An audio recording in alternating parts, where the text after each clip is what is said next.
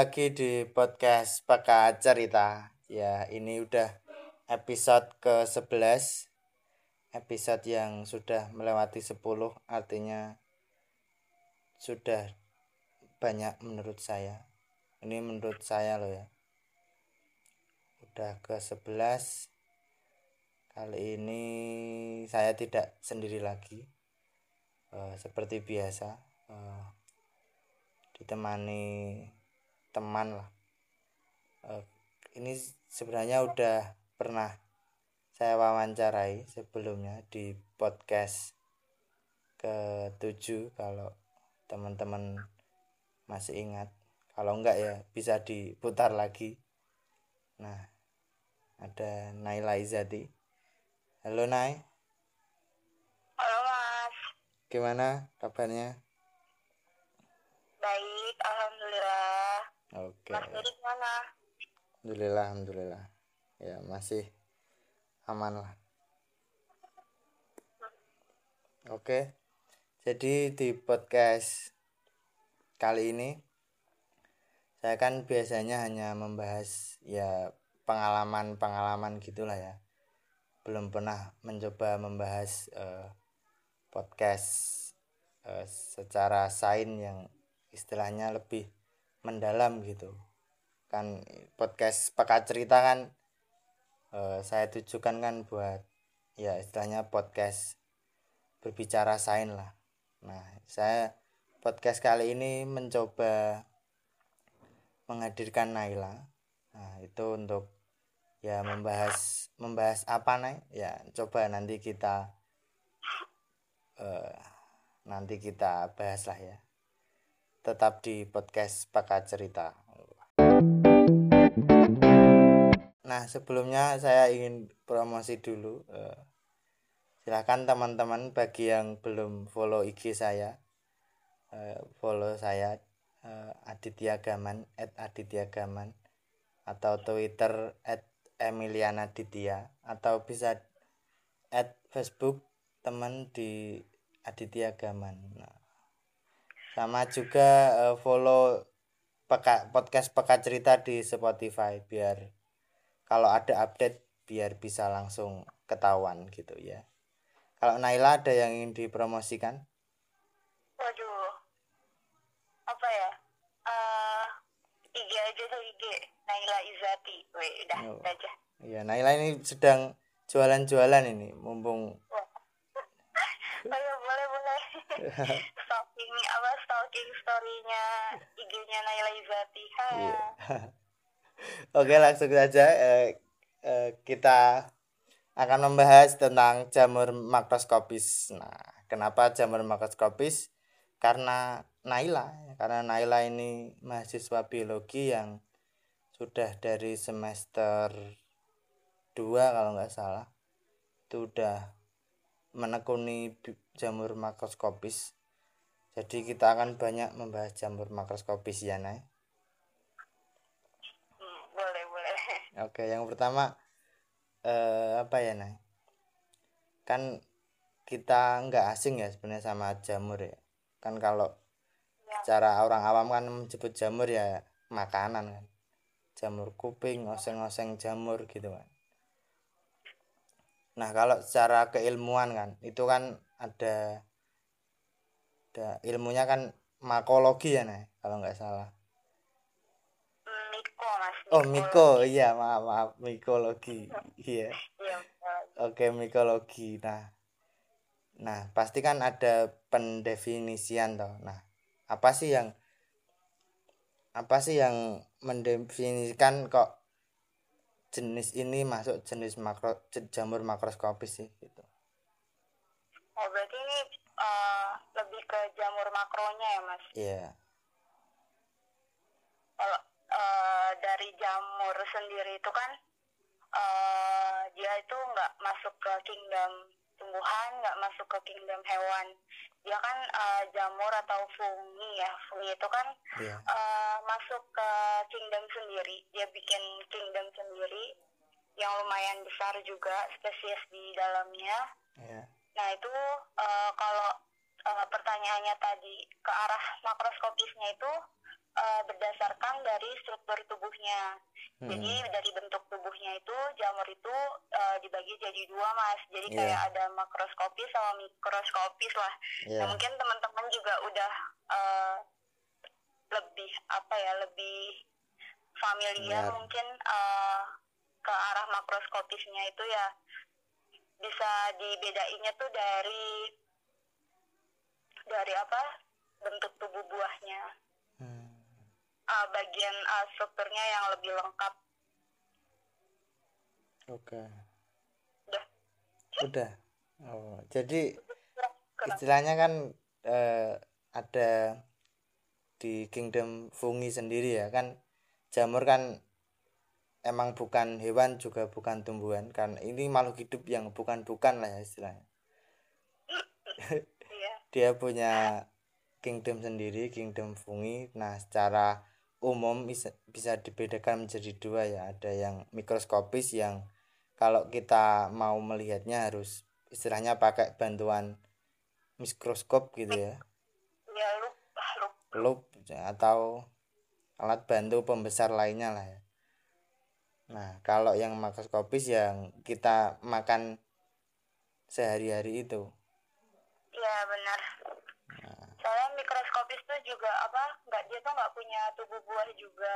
Mm-mm. Eh, dan dia tuh kalau ditemuin itu eh cuma kumpulan-kumpulan dari hifa aja gitu mas. Ya Hmm. contohnya ya yang biasa buat ragi tempe, Tempe. ragi tape gitu-gitu. Yang yang juga deket dengan kita kan ketika kita panuan kudisan gitu ya. Iya benar benar benar benar. Jadi emang jamur itu secara kehidupan sebenarnya deket dari yang mulai tadi ada yang kudisan panuan itu ya karena karena jamur ada yang kita makan gitu kan. Nah, nah kenapa kok jamur itu nggak nggak masuk ke tumbuhan kenapa naik? Kan kalau orang awam kan ya pasti nyebutnya ya tumbuhan lah ya kan karena kayak ada daunnya kayak ada batangnya juga dia kan nggak bisa gerak lah kayak hewan. Kenapa kok dia nggak masuk tumbuhan aja gitu biar lebih enak gitu kan? Iya jadi kan jamur itu kan eh, nggak masuk ke kingdom tumbuhan atau kingdom plantae itu Mm-mm. karena eh, jamur itu termasuk organisme yang heterotrof, organisme yang eh tidak apa ma- apa sih membuat makanannya itu nggak sendiri, jadi Iya. eh, butuh bantuan organisme lain untuk eh, menyediakan nutrisinya sendiri gitu. Oke.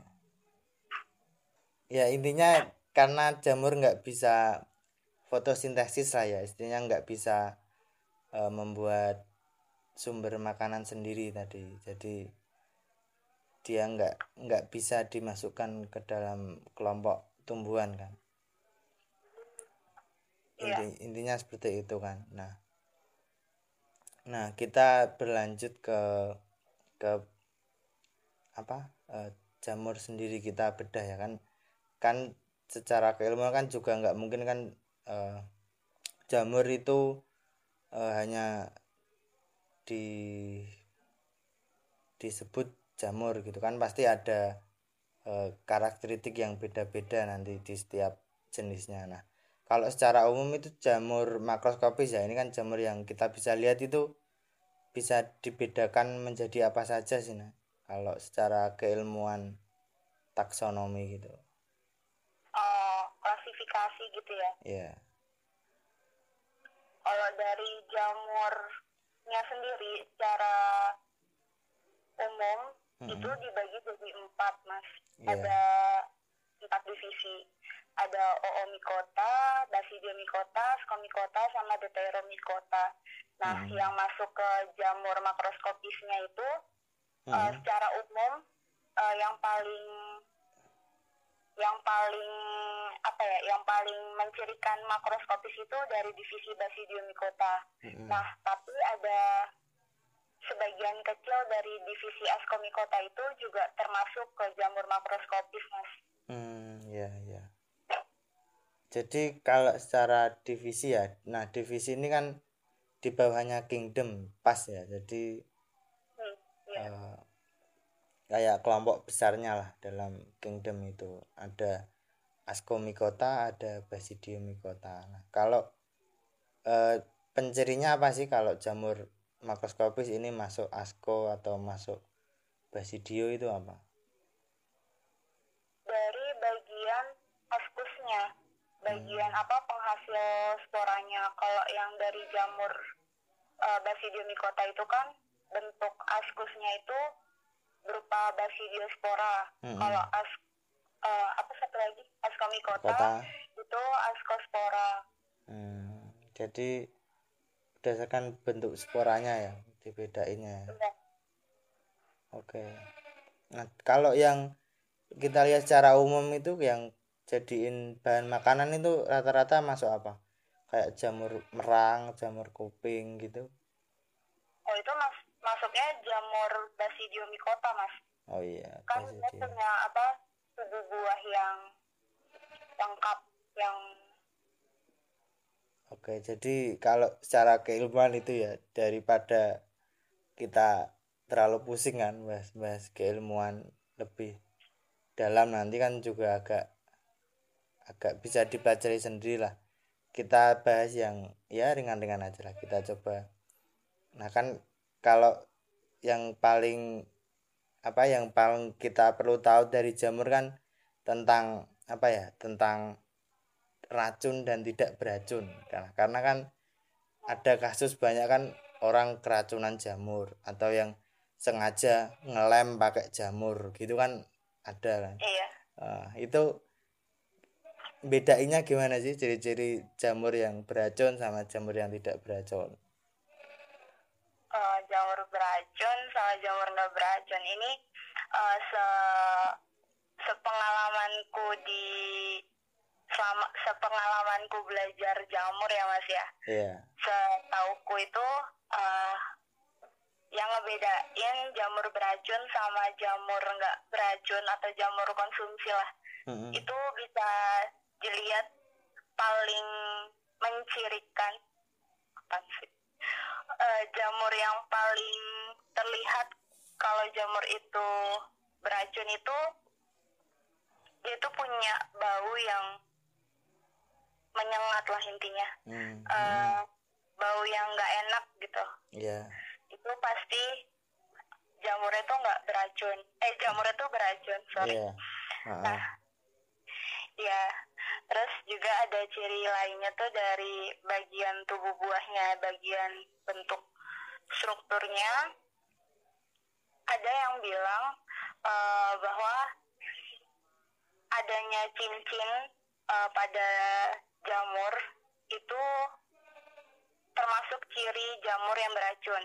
hmm, Tapi eh, nggak selamanya seperti itu hmm. Nggak selamanya juga eh, jamur yang punya cincin itu dikatakan jamur beracun. cincin Pun ini sebaliknya kayak gitu. Hmm.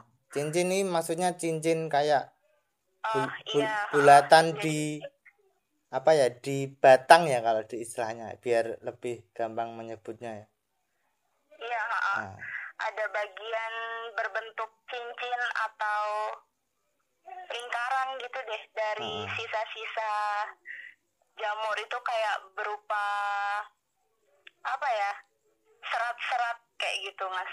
hmm. terus ada Iya gitu. Terus juga yang bisa dilihat juga dari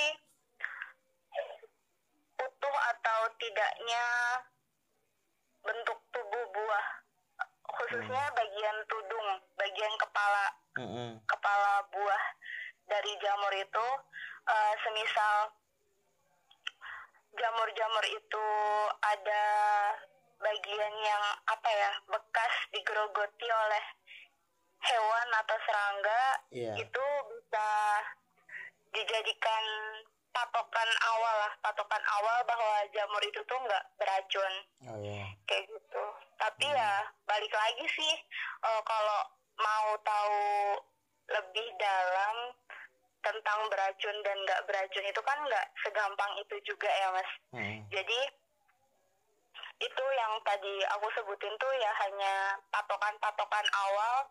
Kalau semisal kita eh, lihat jamur atau nemuin jamur di lapangan di di Oh, kebun mungkin kayak gitu. Hmm, tadi ya. Kalau tadi udah menyebut warna belum? Kan biasanya warna kan oh iya iya benar benar benar. Iya dari warnanya juga eh,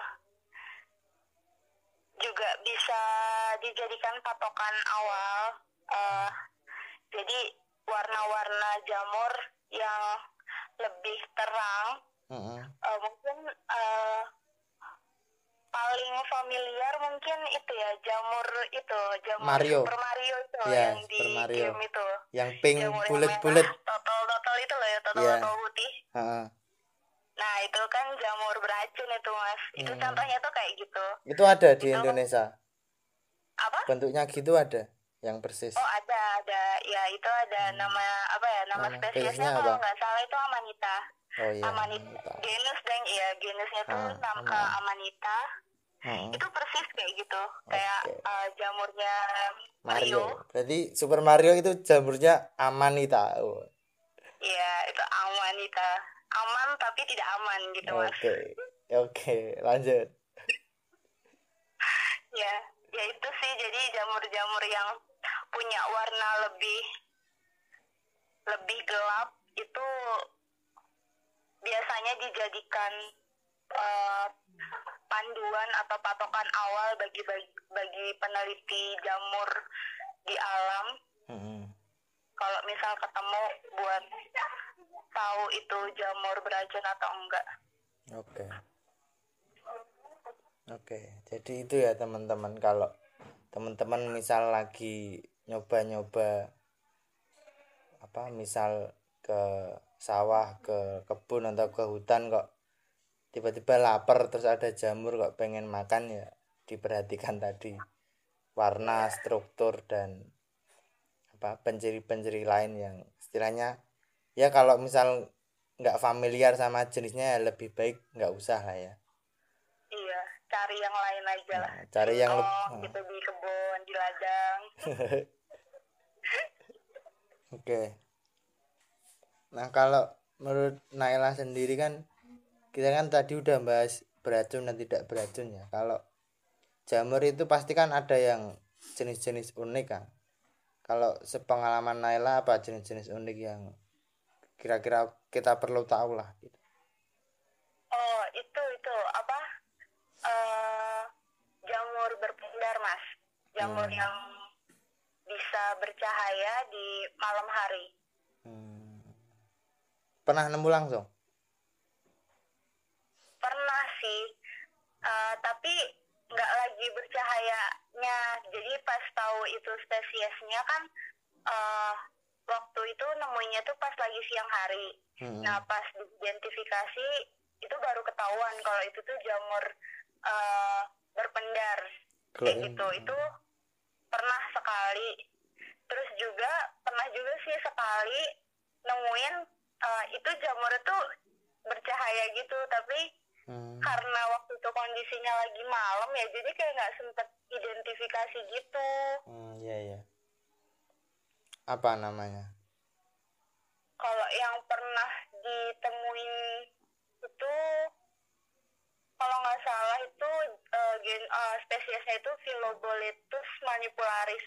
Oke. Itu eh, kelompok famili Mycenaceae Oke. juga. Jamur glow in the dark lah. Mm-mm, iya, Ah, dia tuh punya cahaya hijau. Oke. Selain itu ada lagi ya nggak yang menurut Naila itu unik gitu? Ada, Apa? ada sih. Itu jamur yang ini beda beda jenis sih mas. Mm-mm. Jadi jamur yang raksasa mas. Hmm, raksasa. Mm-mm. Jadi aku sempat eh, pernah ketemu jamur Mm-mm. itu tuh apa ya? Kan kalau diameter jamur itu kan rat- biasanya itu ah, cuma sekitar berapa ya paling gede mungkin? 5 cm? Oh ya 5 cm mungkin ya. Iya. ini waktu itu pernah juga sekali di kawasan mana ya Jawa Timur? Sigogor di hutan di Jawa Timur. Itu ada jamur yang gede banget itu. Berapa itu? Uh, pas aku hitung itu besar diameternya itu kurang lebih sekitar 70 cm wah hampir satu meter ya nah hmm. itu jenis apa itu? Itu Meripilus sumstinae oke. Itu termasuk jamur gigan juga. Oh jamur gigan ya namanya ya kalau Mm-mm, mm, gigan kan besar tuh artinya. Oke. Setelah itu ada lagi nggak? Apa ya? Udah sih selebihnya mungkin eh ya ya biasa sih paling cuma mungkin karena aku jarang nemuin jamur-jamur yang bagus sama yang Hmm. unik jadinya ya semuanya dibilang unik sama aku. Oke. Nah oke. Nah apa kan kalau soal jamur kan paling banyak kan soal Super Mario kan super sama makanan lah ya. Kan yang kita tahu kan selama ini kan jamur-jamur yang biasa kita konsumsi kan ada jamur tiram terus jamur kuping terus merang merang gitu. Nah, sebenarnya kan ada jamur yang lebih enak dan lebih mahal ya, nah. Nah, bisa Hmm, apa? Bisa Naila bagi gitu. jamur-jamur selain jamur tadi yang recommended buat dikonsumsi selain itu apa sih? Yang istilahnya punya nilai tambah lain gitu. Iya. Ada yang aku tahu itu ada dua jenis jamur sih mas. Hmm. Jamur yang eh, udah banyak orang tahu juga Hmm. yang bisa dimakan. Hmm. Terus dia tuh punya nilai ekonomi yang tinggi. Hmm. Itu eh, jenis Morsella esculenta, Morsella lah, Morsel atau Ah. Morel Moral sama truffle travel ya. Ah, ah, jamur yang bulat gitu aja terus dia punya corak di dalam tubuh buahnya gitu Hmm. itu mungkin orang-orang udah banyak juga mungkin ya yang udah makan kan eh, banyak tuh aroma-aroma truffle di makanan kayak gitu Oh. itu mahal banget Hmm, iya iya. Itu kalau secara tekstur mirip apa? Mirip kuping atau mirip yang mana yang morel sama travel itu? kalau morel tuh eh dia tuh bentuknya tuh kalau mau digambarin tuh kayak payung payung yang lagi kuncup apa payung yang lagi kuncup apa ya payung? Payung yang belum megar gitu loh mas. Iya. terus dia tuh punya eh, rongga-rongga di tubuhnya. Hmm. gitu. Iya istilahnya kayak payung. Payung dilipat ya? iya ah, payung payung semuanya dilipat ya? Payung. Yang belum dibuka. apa ya payung yang besar itu loh payung yang yang Payung apa ya? Yang biasanya di emoticon emoticon payung. Apa payung yang sebelum hujan sedia payung? Ya yang kayak gitu lah. Pokoknya yang eh, standarnya icon payung lah. Oke. Ah, kayak gitu. Terus ada rongga-rongganya gitu. Ah, ah. itu apa namanya? Eh itu morel Hmm, jadi di rongga di dalam rongga-rongganya itu tuh ada sporanya mas. Hmm. kalau yang travel justru dia lucu. Eh lucu. Apa ya bentuknya unik. Dia tuh bentuknya bulat aja gitu. Hmm. bulat berisi. Terus eh apa tekstur di dalamnya itu kayak ada bentuk kayak otak gitu loh. Kayak serat-serat gambar otak gitu sih kalau aku bilangnya. Hmm. Tuh itu juga ada travel hitam sama travel putih. Tapi susah mas susah ditemuin kalau di Indonesia. Iya sih kan yang aku bilang kan tadi apa kita lebih seringnya yang tiga tadi kan. Mm-mm. Kopeng. lebih banyak budidaya. Nah yang budidaya kopeng merang sama tiram gitu kan. Iya itu banyak banget sih di Indonesia. Udah lumayan berkembang juga. Hmm. Nah kalau jamur-jamur yang punya manfaat selain buat makanan itu apa nah yang obat sih ya paling. Ah, itu. Ada banyak sih ah, jamur yang punya apa ya mengandung Sen- obat apa ah. senyawa-senyawa yang bisa dijadikan obat itu pasti yang paling sering kita dengar itu Ganoderma, iya jamur lingzi. lingzi ya kalau lebih Ya, ha- nama kerennya ya iya, nama kerennya tuh lingzi. lingzi. Itu jamur spesies Ganoderma lucidum Mm-mm, sama ada juga Aplanatum mm-mm, Ganoderma lah. Itu udah terkenal banget buat obat-obatan khususnya di Cina, di Tiongkok. iya padahal itu kalau aslinya dia kan sebagai hama ya nah malah hama Iya, poh parasit, parasit di pohon ya Mm-mm. jadi Benar. tapi Justru ada plus minusnya lah. mm, ya ya mungkin hidup emang seperti itu nggak bisa hanya dipandang hitam sama putih tapi harus Iya, dilihat konteksnya uh Wih, Benar-benar, jadi harus melihat dua sisi ya mas. ya harus Sisi melihat konteksnya pokoknya kalau kalau pandangan orang farmasi ya mungkin jamur ganoderma kan ya baik. Tapi kalau pandangan orang kehutanan kan ya harus di Iya, hil- harus dikontrol karena akan menghambat pertumbuhan pohon gitu. Benar-benar. Nah kalau kalau yang selain kutanyakan tadi yang kira-kira Naila pengen cerita tentang jamur apa lagi Oh itu mungkin apa? Benar sih jamur tuh kan banyak banget tuh. Hmm, Eh, jenisnya aja jamur tuh banyak. Khususnya jamur makro sih karena aku juga belajarnya jamur makro makroskopis. hmm, eh dari yang aku pernah tahu itu jamur aja banyak banget yang dimakan sama yang eh, nggak bisa dimakan. hmm, hmm.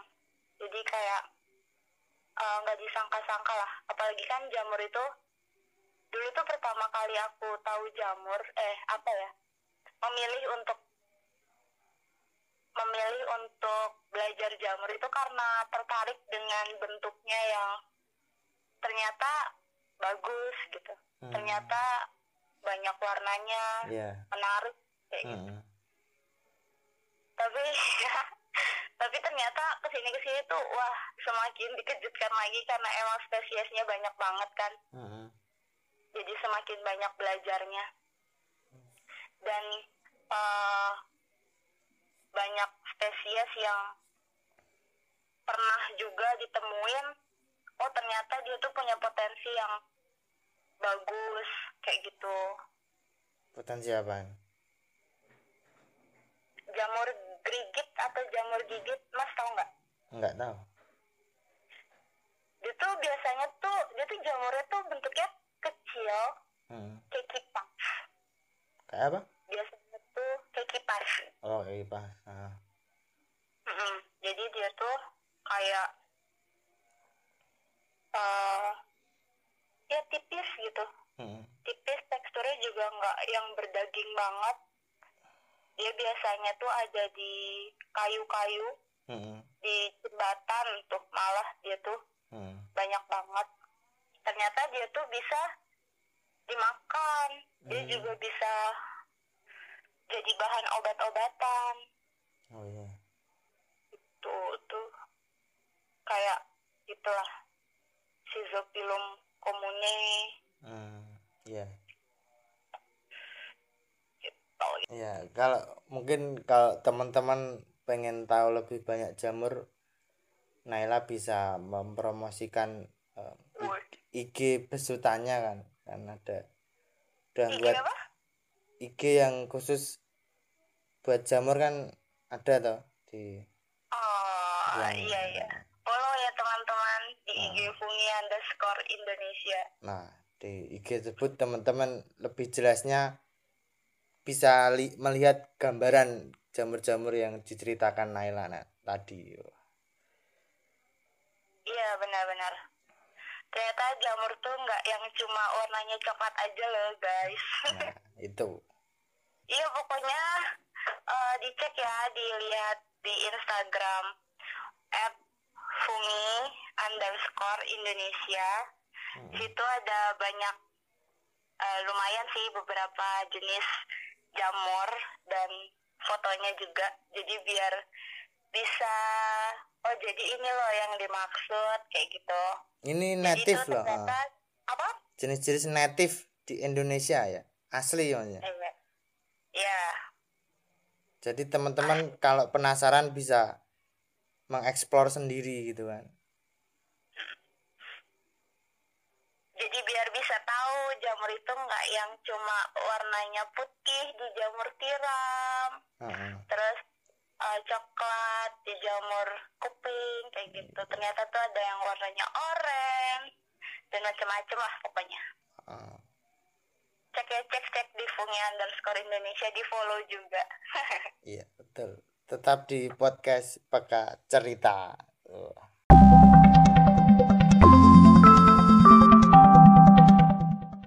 Eh, terakhir ya di podcast episode ke-11 ini. Nah, saya akan lebih banyak tanya-tanya tentang pengalaman Naila terkait jamur. Nah, ini tadi kan kita udah bahas tentang sainsnya ya. Kita sekarang bahas pengalaman Naila tentang jamur lah. Nah, nah kan naik dari semester 2 ya tahun 2017 kan udah mulai tuh eh, penelitian tentang jamur khususnya pendataan keanekaragaman jamur nah itu eh, awalnya kenapa sih kok pengen menekuni jamur makroskopis itu sampai akhirnya bisa menjadi topik skripsi kan istilahnya ya akhirnya kan bisa konsisten gitu, berada di penelitian jamur makroskopis gitu. Awalnya apa kok pengen Hmm, jadi tuh aku waktu kuliah, waktu kuliah, ya pas kuliah itu kan di semester 2 Mm-mm. itu masuk ke studi gitu di biologi. Nah, eh, ada bagian apa ya kaderisasi lah yang mengharuskan kita eh, memilih salah satu bidang yang ada di dalamnya. Nah, salah satunya itu jamur. Kenapa aku milih jamur? Yaitu yang tadi aku bilang, eh pas aku dikasih beberapa foto jamur, itu aku tertarik banget ya, tertarik banget di awalnya. Eh, kayak, oh ternyata jamur tuh nggak yang cuma warna apa ya warna coklat warna putih kan biasanya juga aku eh jujur aku tuh sebelum kuliah ini Mm-mm. tahu jamur itu tuh bener-bener yang jamur yang bisa dimakan aja kayak jamur merang jamur tiram kuping. Mm-mm. dah itu aja tiga. Kurang lebih tiga. Nah ternyata pas aku lihat beberapa foto wah ternyata menarik ya. Dari bentuknya juga macam-macam. Nah itu sih yang pertama kali yang bikin aku oke aku pengen masuk jamur aku pengen belajar jamur itu ke sana. Karena itu Hmm. Jadi karena tertarik dengan apa ya, istilahnya? Ya, istilahnya apa ya? Ah, istilahnya kayak oh ternyata enggak enggak cuma ini loh ternyata ada banyak jenis-jenis yang asik loh gitu ya. Iya itu sih mas. Nah setelah itu kan udah banyak tuh hampir tiap tahun ya penelitian tentang jamur. Nah bisa berbagi pengalaman dong. Mesti kisah-kisah ketika penelitian jamur itu gimana sih? Secara asiknya itu gimana gitu? Asiknya itu asik sih. Eh, apalagi yang pertama kali aku penelitian jamur itu kan di daerah apa ya? Daerah Jawa Timur ya Jawa Mm-mm. Timur iya di Ngawi. Ya di Ngawi Jawa Timur. Itu pertama kali aku terjun eh, ke lapangan buat cari jamur. Ya sebelumnya emang ada simulasi sih tapi maksudnya yang beneran eh, penelitiannya itu cari datanya itu tuh itu. Mencari apa ya database ke hati jamur makroskopis di daerah Ngawi Jawa Timur. Hmm. itu eh, kalau dari segi penelitian jamurnya kita harus eh, tahu banget sih mas. Jadi asiknya itu eh, banyak hal-hal yang harus kita tahu terlebih dahulu sebelum kita terjun ke lapangan. Jadi nggak yang kosong melompong kalau ke lapangan Hmm. kalau emang mau eh, ya kalau emang niatnya mau cari jamur gitu kayak pertama kali aku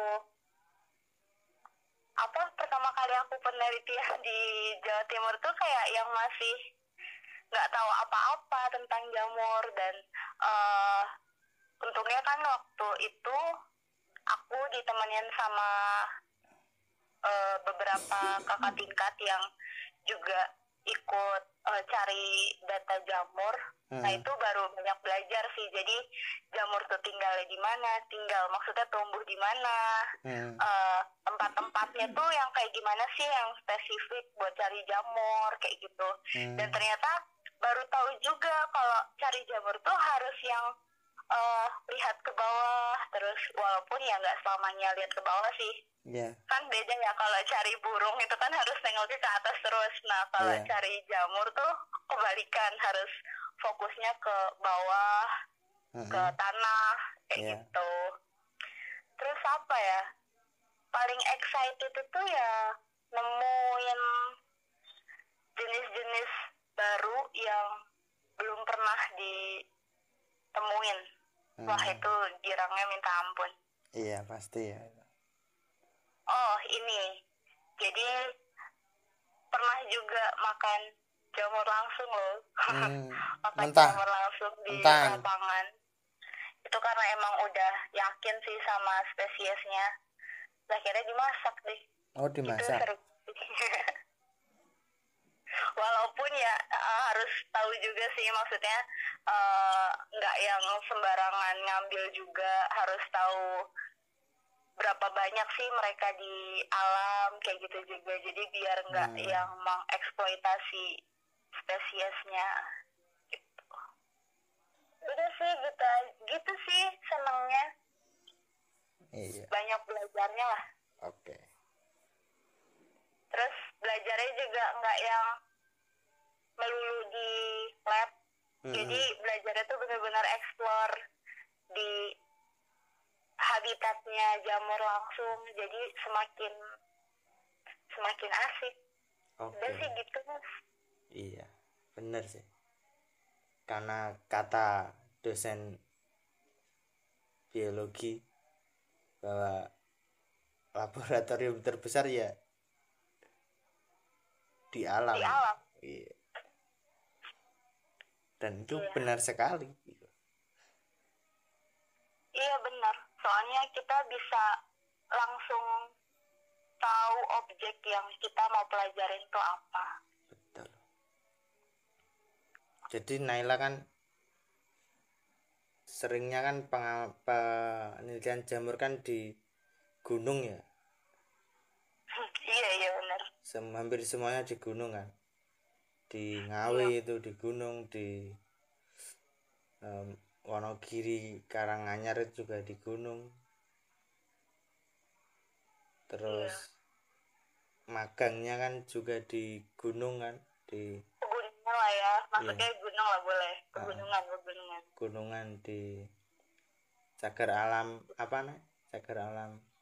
Cagar alam gunung Picis sama Sigogor Gor. di Ponorogo. Nah, skripsinya juga di gunung kan di gunung iya ya gunung merbabu ya Nah, sadar. Jamur dan gunung lah istilahnya kan. Iya benar. Benar benar. Nah kalau selama ini kan udah udah katam lah ya berarti penelitiannya. Nah kalau Naila sendiri bisa memberi pesan ke pendengar eh, apa sih perlunya kita tahu jamur atau pentingnya ada jamur itu apa sih buat kita kita gitu Iya. Ini sih paling eh di luar jamur itu kan yang kita tahu selain dari pangan, eh, obat-obatan, Hmm. jamur kan juga punya apa ya? Hmm. peran penting bagi ekosistem khususnya di hutan. Hmm. Kayak tadi mungkin udah disenggol atau diomongin sedikit eh, peran jamur itu salah satunya itu jadi apa ya ram eh, dia tuh punya berperan dari siklus nutrisi makhluk hidup di alam Hmm. kayak gitu ya yang dekomposisi dengan bantuan apa ya bakteri Hmm. hewan-hewan lain kayak gitu buat pokoknya nanti eh untuk memenuhi eh, rantai makanan di makhluk hidup lainnya itu juga kan eh, penting kayak gitu salah satu potensinya eh salah satu apa ya pentingnya jamur Hmm. terus juga kita juga tahu juga jamur itu eh ada yang perannya tadi parasit kayak gitu Hmm. terus ada yang beracun nggak beracun Hmm. nah mungkin mungkin eh pesennya buat teman-teman kalau semisal ini dari segi gitu ya dari segi yang pengen belajar jamur di alam mungkin. Ya yang pengen langsung terjun langsung di alam Ah. bagi teman-teman yang pengen tahu jamur tuh kalau semisal ketemu jamur itu ya jangan diambil banyak-banyak lah maksudnya.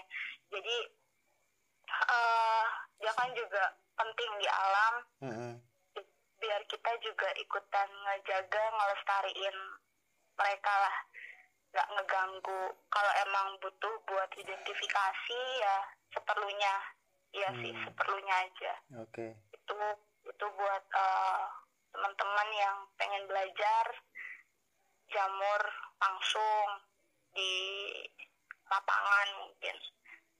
Eh, yang kedua eh, bisa juga kita eh, ngebantu untuk melestarikan jamur tuh bisa dengan cara tadi boleh kita ambil terus kita eh, berpikir atau maju ke depan dengan cara membudidayakan jamur itu. Jadi nggak yang kita menghabiskan atau mengeksploitasi di alam kita juga bisa mengembangkan jamur itu dari segi potensinya juga bisa meningkatkan kelestariannya gitu. Hmm. udah ya udah ya udah dah apalagi ya? Ya udah sih. Udah udah. Udah sih mas. Itu aja kali ya pesannya. Hmm. oke. Nah itu saya kira cukup ya podcast ke 11 ini udah banyak yang kita bicarakan. Dari Naila sendiri udah banyak menjelaskan. Mulai jamur dari ini dari ini. Nah terus pengalaman dia terkait jamur. Nah ini saya juga Naila bisa terakhir lah mempromosikan. Siapa tahu ada yang pengen baca papernya tentang jamur ya hasil magang itu. Ya. oh. Ya boleh deh teman-teman kalau mau baca-baca tentang uh, penelitian jamur khususnya di bidang kanekaragaman ya kanekaragaman jamur sama potensinya itu ada tuh di paper judulnya tuh kanekaragaman jamur makroskopis dan potensi pemanfaatannya di cagar alam Gunung Picis dan cagar alam Gunung Sigogor. Itu di ResearchGate ada, di Google juga ada lah, searching aja kayak gitu, nanti muncul. Oke. Oke. Keren pokoknya lah. Udah selesai podcastnya. Uh, di sini kita sama-sama belajar. Naila juga belajar. Jadi kalau teman-teman ada yang kira-kira nggak pas dari aku sama yang Naila sampaikan bisa dikritik atau diberi saran lah kita. Iya, benar. Oke, terima kasih Naila. Sama-sama, Mas. Cukup sekian.